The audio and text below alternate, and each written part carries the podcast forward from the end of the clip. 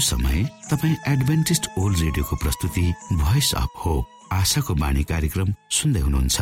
कार्यक्रम प्रस्तुता म रवि यो समय तपाईँको साथमा छु। आशाको बाणी कार्यक्रम सुन्नको निमित्त पर्खेर बस्नुहुने समस्त प्यारा श्रोता वर्गमा हामी न्यानो अभिवादन व्यक्त गर्दछौ। हाम्रा महान परमेश्वरको प्रेम यसु ख्रिस्टको अनुग्रह र पवित्र आत्माको अगुवाईका विषयमा साँचो र सही सन्देश प्रस्तुत गर्ने क्रममा हामी छौ र श्रोता दैनिक तपाईँले यी अध्ययनहरूका विषयमा सुन्दै जाँदा मनन गर्दै जाँदा तपाईँको जीवनबाट पनि ख्रिस्टको उपस्थिति झल्किन सकेको होस्। क्रिससँगको संगतिमा तपाईँले आदित्य आशिषको अनुभूति गर्न सक्नु भएको होस् भन्ने शुभेच्छा सहित हामी हाम्रो कार्यक्रमलाई अगाडि बढाउने अनुमति चाहन्छौ। सधैँ झै सुरुमा हामी यो मधुर क्रिस्टीय भजन सुन्नेछौँ।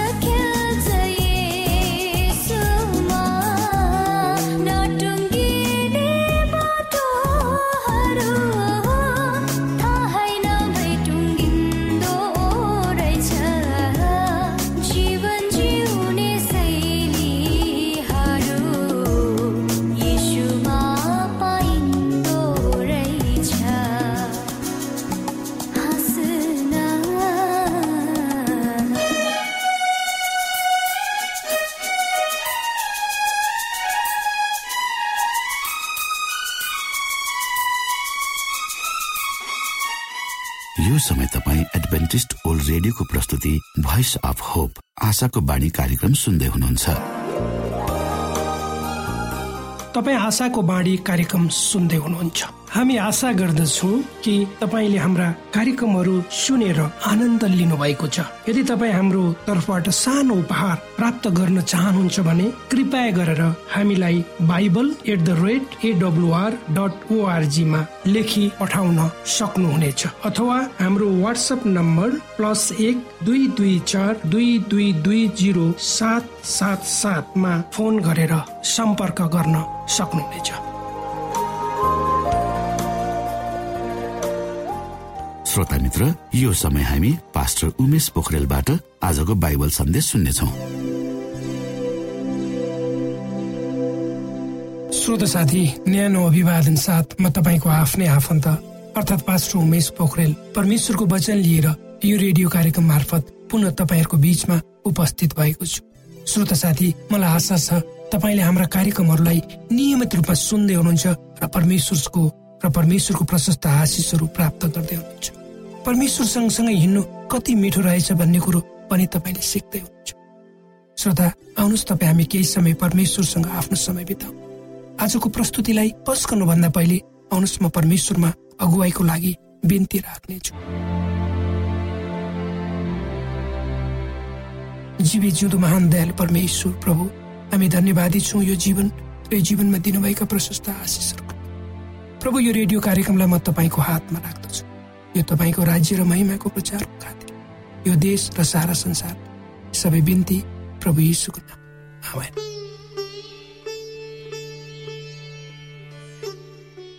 श्रोत साथी भनिन्छ ती दुःखका दिनहरूलाई बिर्सिदिनुहोस् र आशिषका दिनहरूलाई सम्झेर अगाडि बढ्नुहोस्। अर्थात् दुःखका दिनहरूलाई नसम्झनुहोस् तर सुखका दिनहरूलाई आशिषको रूपमा लिएर अगाडि बढ्नुहोस्। जब तपाईँ र मैले आफ्नो परिस्थितिहरूलाई परिवर्तन गर्न सक्दैनौँ भने हामीहरू आफै परिवर्तित हुनुपर्छ। त्यसै गरी ती मानिसहरूसँग रहनुहोस् जसले तपाईँसँग जे छ त्यसबाट राम्रो निकाल्छ तर जसले तपाईँलाई कष्टमा राख्छन् तिनीहरूसँग टाढे यी विचारहरूले तपाईँलाई आफ्नो जीवनमा अगाडि बढ्न प्रेरित गरून्। श्रोत साथी हाम्रा जीवनका प्रत्येक घाउहरू सम्झदा हामी डराउँछौँ र ती प्रत्येक घाउहरूले डर लाग्दा कथाहरू भन्छ।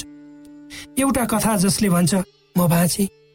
त्यसकारण आफ्ना सबै किसिमका घाउहरूलाई बुद्धिमा ढाल्नुहोस् अनि जीवनको यात्राहरू अगाडि बढाउनुहोस्। जब तपाईँ हामी आफ्नो जीवनमा अगाडि बढ्दै जान्छौँ वा हुर्कँदै जान्छौँ तब हामीहरूले आफ्ना पुराना साथीभाइहरूलाई छोड्दै र नयाँ साथीहरू बनाउँदै जान्छौँ। तर त्यसको साथसाथै हाम्रा वास्तविक मित्र को हुन् भनी जान्दै पनि जान्छौँ होइन र? मैले आफ्नो जीवन यात्राको क्रममा भोगेको छु र सिकेको छु। जीवनलाई समय अनुसार हिँडाउनु पर्छ। अर्थात् जसरी भए पनि यसलाई निरन्तर रूपमा ठेली नै रहनुपर्छ जस्तो सुकै प्रतिकूल अवस्था भएर पनि हामी किन नगुज्रेका हौ। तर त्यो अवस्थालाई पार गरेर अगाडि बढ्ने बाटो जीवनले खोज्दछ वा खोज्नै पर्छ। एक वर्ष अगाडिको कुरो हो मेरो मोबाइलमा कसैको फोन आउँछ। नेपालको मोबाइल जहिले पनि नेटवर्कको गडबडी धेरै ठाउँमा राम्ररी सुन्न सकिन्। कसैले आत्तिएर फोन गरे जस्तो सुन्छु मोबाइलमा अनि फेरि के रहेछ भनेर वास्तविकता बुझ्न फोन गर्छु। उताबाट एउटा चिनेकी दिदीले भन्नुहुन्छ सर फलाने त मरिछन्। म हात्तिन्छु किन र कसरी भन्ने प्रश्न राख्न खोज्छु फोनबाटै। उनी उताबाट भन्छन् फलानु अस्पतालमा हामी सबै जम्मा भएका छौँ त्यही आउनुहोस् झट्टै। म अर्कै काम लिएर बसमा बानेश्वरतिर जाँदै हुन्छु र बानेश्वरमा पुगेर त्यहाँबाट ओर्लेर अर्को गाडी समातेर सिनामङ्गलको अस्पतालतिर जान्छु। म अस्पतालमा पुग्दा धेरै मानिसहरू त्यहाँ भेला भइसकेका रहेछन् र म पत्याउनै सक्दिनँ कि हिजोसम्म मैले भेटेर कुरा गरे कि जसलाई म भाउजू भन्थे। आइमाई अहिले मेरो अगाडि मृत्युमा आनन्द साथ शान्तिमा सुति मुखबाट अलिकति रगत बाँकेको भए उनी अहिले नै जाग्छिन् र त्यति बेलै उठेर मसँग कुरा गर्छिन् जस्तो लाग्दथ्यो। मेरो मन दुख्छ तर के गर्ने? अब त अन्तिम संस्कारको निम्ति चाँजो पाँजो मिलाउनु पर्ने भयो। मृत महिलाकी श्रीमान छोरा छोरी बुहारीहरू शोका मन शोका मन छन्। उनीहरूलाई सम्झाउने कोसिस गर्छु अनि अन्तिम संस्कारको निम्ति के गर्ने सरसल्लाहमा हामी जान्छौँ। दिन एक बजिसकेको छ। नेपालमा इसाईहरूलाई मरेपछि गाड्ने उचित ठाउँ नभएकोले कयौँ हाम्रा विश्वासीहरूलाई लुकाएर गाड्ने र जलाउने पनि गरेको छु। दुःख पनि लाग्छ। सबै कुरा सम्झँदा कसलाई के भन्? उसँग लडाइँ गर आखिरमा भाउजूले ती भाउजूले झै अचानक एउटा सानो झगडामा आफ्नो जीवन र यो संसारलाई छोडेर जानुपर्ने रहेछ। त्यसकारण मरेकाहरूमाथि झै झगडा गर्नुभन्दा बुद्धिमानी त्यति बेलाको परिस्थितिलाई सहज बाउनु बनाउनु नै हुन्छ।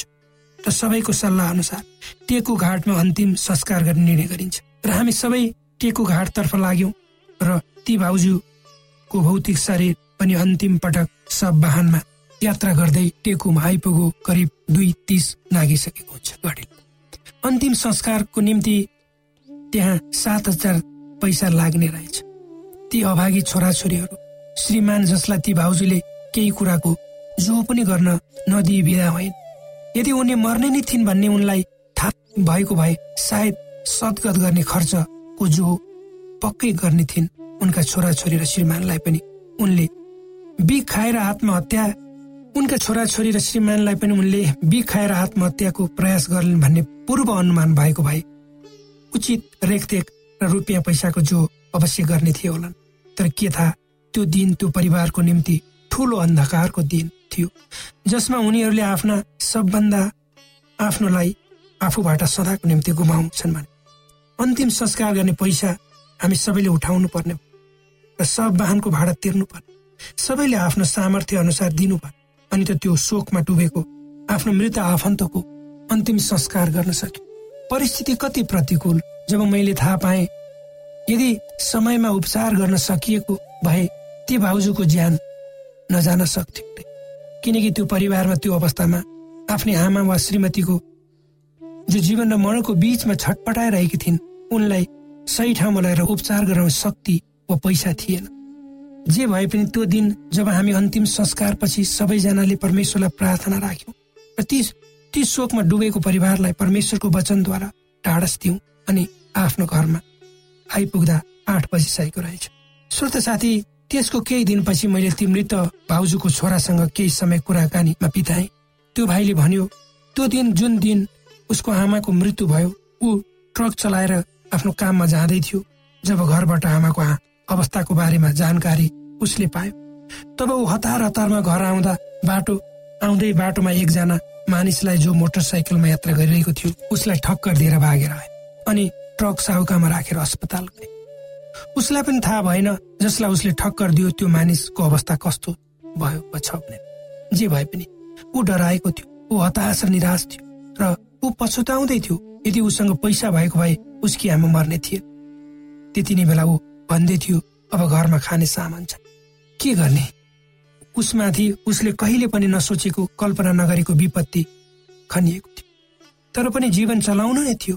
ऊ उसलाई मैले ढाडस दिएँ र सकेको मद्दत पनि गरेँ। श्रोत साथी तपाईँ हामी यो संसारमा केही समयका पाहुना मात्र हाम्रो घर त यहाँ होइन। यद्यपि हामी यो आफ्नो भनेर भन्छौँ हाम्रो आफ्नो घर बनाउँछौँ आफ्ना जग्गा जमिनहरू किन्छौँ घर गाडीहरू हुन्छ तर यो हाम्रो स्थायी घर होइन यो आफ्नो होइन। यी सबै कुराहरूलाई एक दिन तपाईँ हामीले छोडेर जानुपर्छ। यो संसारमा रहँदा हामीले धेरै कुराहरू गर्नुपर्छ। हामीसँग समय अति नै कम छ। र हामीले आफ्नो जीवनलाई सन्तुलित रूपमा चलाउनुपर्छ। त्यसको निम्ति हामी आफू आफूले सबै कुरालाई ठिकठाक रूपमा लिएर अगाडि बढ्न सक्दैन। दुःख कष्ट समस्या अप्ठ्यारा र मृत्युहरूलाई हामी आफैले भोग्नुपर्छ वा अनुभव गर्नुपर्छ। मानिस जन्मेपछि उसले अवश्य पनि मर्नै पर्छ। तर जबसम्म तपाईँ हामी जीवित छौँ हामी स्वस्थ छौँ हामी सधैँको निम्ति जिउ जिउनेछौँ। अर्थात् हामी मर्दैन। तर यो तितो सत्यलाई तपाईँ हामी सबैले आत्मसात गरेर जीवनलाई चलाउनुपर्छ। पवित्र धर्मशास्त्र बाइबलको पहिलो पुस्तकमा हामी हेऱ्यौँ भने कसरी हाम्रा पुर्खा आदम र हवाले परमेश्वरको आज्ञा उल्लङ्घन गरे र पापमा परे। जब उनीहरूले पाप गरे तब मानव जाति माथि मृत्यु आयो अनि मानिसहरू पापको दास भएर दुःख जीवन बिताउन बाध्य भए। र उक्त पापले दिन प्रतिदिन मानिस जातिलाई आफ्नो गिद्धे पन्जामा दह्रो गरी कस्तै वा जकडिँदै गयो। र आज पनि हामी त्यही पापको बन्धनमा हामी बाँधिएका छौँ। त्यसैले त आजको संसारको यो दुर्गति कस्तो छ? जताततै दुःख कष्ट हिंसा हत्या लुट अनि झै झगडा षड्यन्त्र। तर पनि हामीले आफ्नो जीवन चलाउनै पर्छ। चलाइ नै रहेका छौँ। त जीवन जिउनु ठुलो कुरो होइन श्रोता। तर हामी कसरी जिइरहेका छौँ त्यो ठुलो कुरो हो त्यसलाई नै हामीले बुझ्नुपर्छ। परमेश्वरले यी वचनहरूद्वारा तपाईँलाई आशिष दिउँ।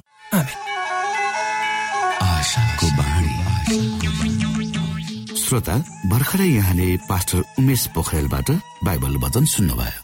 यो समय तपाईँ एडभेन्टिस्ट ओल्ड रेडियोको प्रस्तुति भोइस अफ होप आशाको बाणी कार्यक्रम सुन्दै हुनुहुन्छ।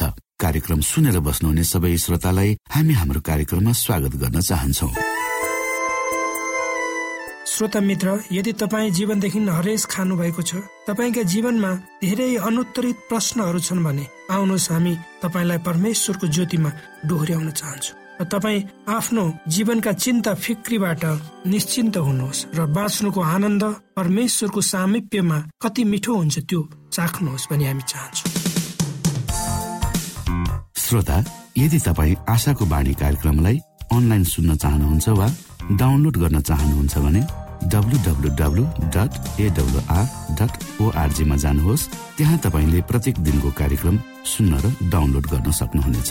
हाम्रो वेब पेज यस प्रकार छ W dot AWR dot ORG श्रोता यदि तपाईँ हामीसित सिधै फोनमा सम्पर्क गर्न चाहनुहुन्छ भने हाम्रा नम्बरहरू यस प्रकार छन्। अन्ठानब्बे एकसाठी पचपन्न शून्य एक सय बिस। अन्ठानब्बे एकसाठी पचपन्न शून्य एक सय बिस। र अर्को अन्ठानब्बे अठार त्रिपन्न पन्चानब्बे पचपन्न। अन्ठानब्बे अठार त्रिपन्न पन्चानब्बे पचपन्न। यो आशाको बाणी रेडियो कार्यक्रम हो। म धनलाल राई यहाँहरूलाई यस कार्यक्रममा न्यानो स्वागत गर्दछु। श्रोता आज म तपाईँको बिचमा बाइबल सन्देश लिएर आएको छु। आजको बाइबल सन्देशको शीर्षक रहेको छ परमेश्वरले आफ्नो पुत्रद्वारा बोल्नुभयो हिब्रू एक अध्यायको एकदेखि चारमा के मुख्य विषयवस्तु छ जुन लेखकले हाम्रो दिमागमा गाडियोस् भन्ने चाहना गर्छन्। हामी हेर्न सक्छौ यहाँनिर एकदेखि। प्राचीन कालमा हाम्रा पिता पुर्खासँग अगमवक्ताहरूद्वारा धेरै र विभिन्न किसिमले परमेश्वर बोल्नुभयो। तर यही आखिरी दिनहरूमा उहाँ आफ्ना पुत्रद्वारा हामीसँग बोल्नु भएको छ। पुत्रलाई नै उहाँले सबै कुराका उत्तराधिकारी नियुक्त गर्नुभएको पुत्रलाई नै उहाँले सबै कुराका उत्तराधिकारी नियुक्त गर्नुभयो। उहाँद्वारा नै समस्त सृष्टिहरू पनि रच्नुभयो। उहाँ नै परमेश्वरका महिमाको प्रतिबिम्ब र परमेश्वरकी स्वभावको वास्तविक प्रतिरूप हुनुहुन्छ र सम्पूर्ण विश्वलाई आफ्नो शक्तिको वचनले सम्हाल्नुहुन्छ। पापको शुद्धि भएपछि महिमित परमेश्वरको दाहिने बाहुलीपट्टि उच्च स्थानमा उहाँ विराजमान हुनुभयो। जसरी उहाँले प्राप्त गर्नुभएको नाउँ स्वर्गदूतहरू भन्दा उत्तम छ त्यसरी नै उहाँ तिनीहरूभन्दा अझ उच्च ठहरिनु भएको छ। हिब्रूको पुस्तक ग्रिक भाषामा लेखिएको हो। सुरुको ग्रिक भाषामा लेखिएको हिब्रू एकको एकदेखि चार केवल एउटा मात्र सरर पढ्ने वाक्य छ। बुझाउनको निम्ति अनुवादमा विभिन्न वाक्यमा उतारिएको छ। वक्तित्व कलामा भाषाको शैलीमा र अलङ्कारिक वा मिठो रचनामा वा मिठासपनामा यो पद नयाँ करारमा सबभन्दा सुन्दर र उत्कृष्ट वाक्य हो भनेर बाइबलका विद्वानहरूले तर्क गर्दछन्। यसको मुख्य दावी यो हो कि सनातन सृष्टिकर्ता परमेश्वरले हामीसँग उहाँको पुत्र यसुद्वारा बोल्नु भएको छ। प्रथम शताब्दीका युदीहरूले परमेश्वरको वचन नसुनेको धेरै वर्ष भएको थियो। परमेश्वरको वचन तिनीहरूले सुनेको करिब चार सय वर्ष अघि थियो। अगमवक्ता मलाकी यजरा र नयमियाद्वारा परमेश्वरले अन्तिम वचन युदीहरूको निम्ति बोल्नु भएको थियो। जुन लिखित रूपमा छ तर अहिले यसुद्वारा प्रकट गरिएको परमेश्वरको वचन कुनै पनि अगमवक्ताद्वारा बोल्नु भएको भन्दा पनि उच्च थियो। किनकि परमेश्वरले प्रयोग गर्नुभएको आफ्नो बोलीलाई मानिसहरू समक्ष राख्न यसु सबैभन्दा उत्कृष्ट माध्यम हुनुभएको छ। यसो त परमेश्वर आफै हुनुहुन्छ जसले सारा स्वर्गहरू र पृथ्वीलाई सृष्टि गर्नुभयो। साथै सारा जगतको शासक उहाँ नै हुनुहुन्छ। यसुको परमेश्वरीय स्वभाव पावलको निम्ति कहिले पनि प्रश्न भएको थियो। उहाँ अतुलनीय परमेश्वर आफै हुनुहुन्छ भन्ने कुरामा पावल अडिक थिए। यसु परमेश्वर हुनुहुन्छ त्यसमा वाद विवाद गर्नु अनावश्यक छ भन्ने पावलको जिज्ञ थियो। हो परमेश्वरको चाहनाको आत्मज्ञान र बुद्धि उहाँले पुरानो करारबाट प्रस्तुत गर्नुभएको थियो।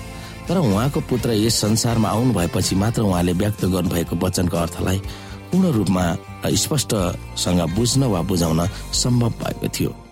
पुरानो करारको उचाइ चौडाइ र फराकिलो अर्थ बुझ्ने सत्य साँचो केवल यसुबाट मात्र परमेश्वर पिताले उपलब्ध थियो भनेर लेखको दिमागमा नाचिरहेको थियो। मानव एउटा ठुलो चित्र ससाना टुक्रा टुक्रा गरेर बाकसमा राखिएको छ। त्यो बाकसमा भएका ती टुक्रिएका चित्रहरू पुरानो करार। हो ती टुक्राहरू जोडेर चित्र मिलाउन धैर्यताको बडो आवश्यकता छ जसले पायो त्यसले त्यो बाकसमा भएको टुक्राहरू हेर्दा केवल टुक्राहरू मात्र देख्दछन्। त्यसरी नै यसु यस संसारमा आउनु भएर पुरानो करारमा उल्लेख गरिएका परमेश्वरको विभिन्न टुक्राहरूको चित्रलाई मिलाउनु भएर मानव सबैको सामु एउटा पूर्ण चित्र प्रस्तुत गर्नुभएको थियो। पुरानो करारमा लुकिएको प्रकाश वा आत्मज्ञानको ज्योति उहाँले उघारिदिनु भएको थियो। त्यति मात्रै नभएर यसु हाम्रो प्रतिनिधि र हाम्रो मुक्तिदाता भएर पनि आउनु भएको थियो। हामी लड्नुपर्ने ठाउँमा उहाँ उभिनु भएर सैतान वा सर्पसँग युद्ध गर्नुहुन्छ र उहाँले नै उसलाई पराजित गर्नुहुन्छ फेरि यसो विश्वासीहरूको निम्ति अग्रज क्याप्टेन वा सेनापति र अगुवा पनि हुनुहुन्छ। हाम्रो निम्ति उहाँ लड्नुहुन्छ र उहाँ हाम्रो प्रतिनिधि भएर उभिनुहुन्छ। त्यसको अर्थ हाम्रो प्रतिनिधि यसुलाई परमेश्वरले जे गर्नुभयो त्यही हामीलाई पनि गर्न चाहनुहुन्छ भन्ने परमेश्वर पिताको चाहना हो। परमेश्वरले यसुलाई उचाल्नु भएर उहाँको दाहिने हातमा राख्नु भएको छ र हामीलाई पनि उचालेर यसुको सिंहासनसँग बसालिएको उहाँ चाहनुहुन्छ। परमेश्वरको सन्देश यसु ख्रिस्टमा हामी सबैलाई यो छ कि यसुले जे बोल्नु भएको थियो त्यसमा हामी समावेश भएका मात्र होइन तर हाम्रो अस्थायी वा भौतिक र अनन्तको फाइदाको निम्ति यसुद्वारा र उहाँको निम्ति पिताले सबै थोक गर्न उत्सुक वा इच्छुक हुनुहुन्छ। परमेश्वर यसु यस संसारमा आउनु भएको थियो भन्ने अपार ज्ञानलाई तपाईँले सोच्नुहोस्।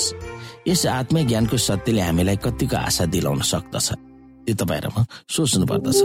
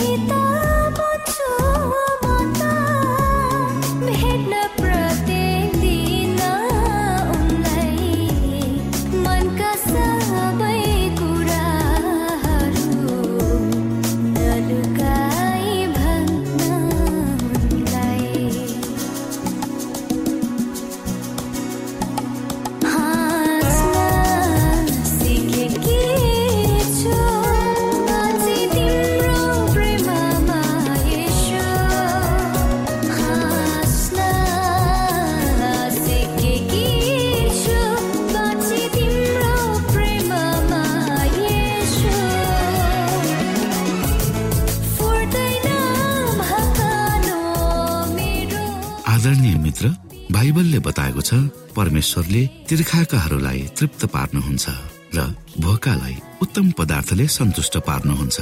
हामीलाई दिइएको यो छोटो समय आशाको बाणीको प्रस्तुतिको समयमा हामीले हाम्रा श्रोताको आत्मिक भोकलाई केही मात्रामा भए तापनि सही प्रकारको खोराक पस्केर आत्मिक सन्तुष्टि दिन सकेका छौँ केही ऊर्जा थप्न सकेका छौँ भनेर हामीले आशा राखेका छौँ।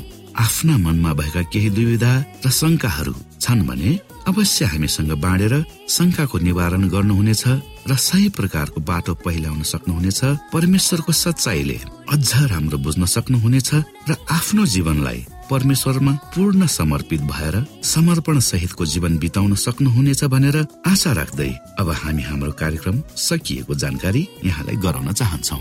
जानुभन्दा अगाडि श्रोता हामी यहाँलाई हाम्रो ठेगानाको विषयमा जानकारी गरौं। हामीसँग पत्राचार गर्ने हाम्रो ठेगाना यस प्रकार छ। आशाको बाणी पोस्ट बक्स नम्बर दुई शून्य शून्य शून्य दुई काठमाडौँ नेपाल।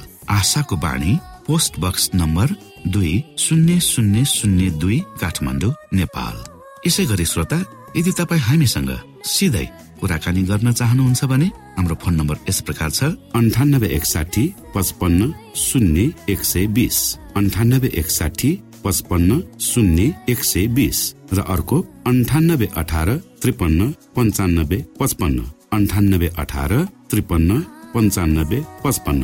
हामीलाई इमेल पनि गर्न सक्नुहुन्छ। हाम्रो इमेल एड्रेस यस प्रकार छ Nepal at AWR dot ORG Nepal at AWR dot ORG यदि तपाईँ हामीलाई अनलाइन सुन्न चाहनुहुन्छ वा डाउनलोड गर्न चाहनुहुन्छ भने तपाईँ W W W dot AWR dot ओआरजीमा जानुहोस् र त्यहाँ तपाईँले हाम्रा सबै कार्यक्रमहरू सुन्न सक्नुहुनेछ। हाम्रो वेब पेज यस प्रकार छ W dot AWR dot ORG श्रोता यसमा गएर तपाईँले हाम्रा दैनिक कार्यक्रमलाई सुन्न सक्नुहुनेछ र डाउनलोड पनि गर्न सक्नुहुनेछ। हवस् त श्रोता हाम्रो कार्यक्रम सुनिदिनु भएकोमा एकचोटि फेरि यहाँलाई धन्यवाद दिँदै भोलि फेरि यही स्टेशन यही समयमा यहाँसँग भेट्ने आशा राख्दै प्राविधिक साथी राजेश पास्टर उमेश पोखरेल र कार्यक्रम प्रस्तुता म रवि यहाँसँग विदा माग्दछौ। परमेश्वरले तपाईँलाई धेरै धेरै आशिष दिनु भएको होस्। नमस्कार।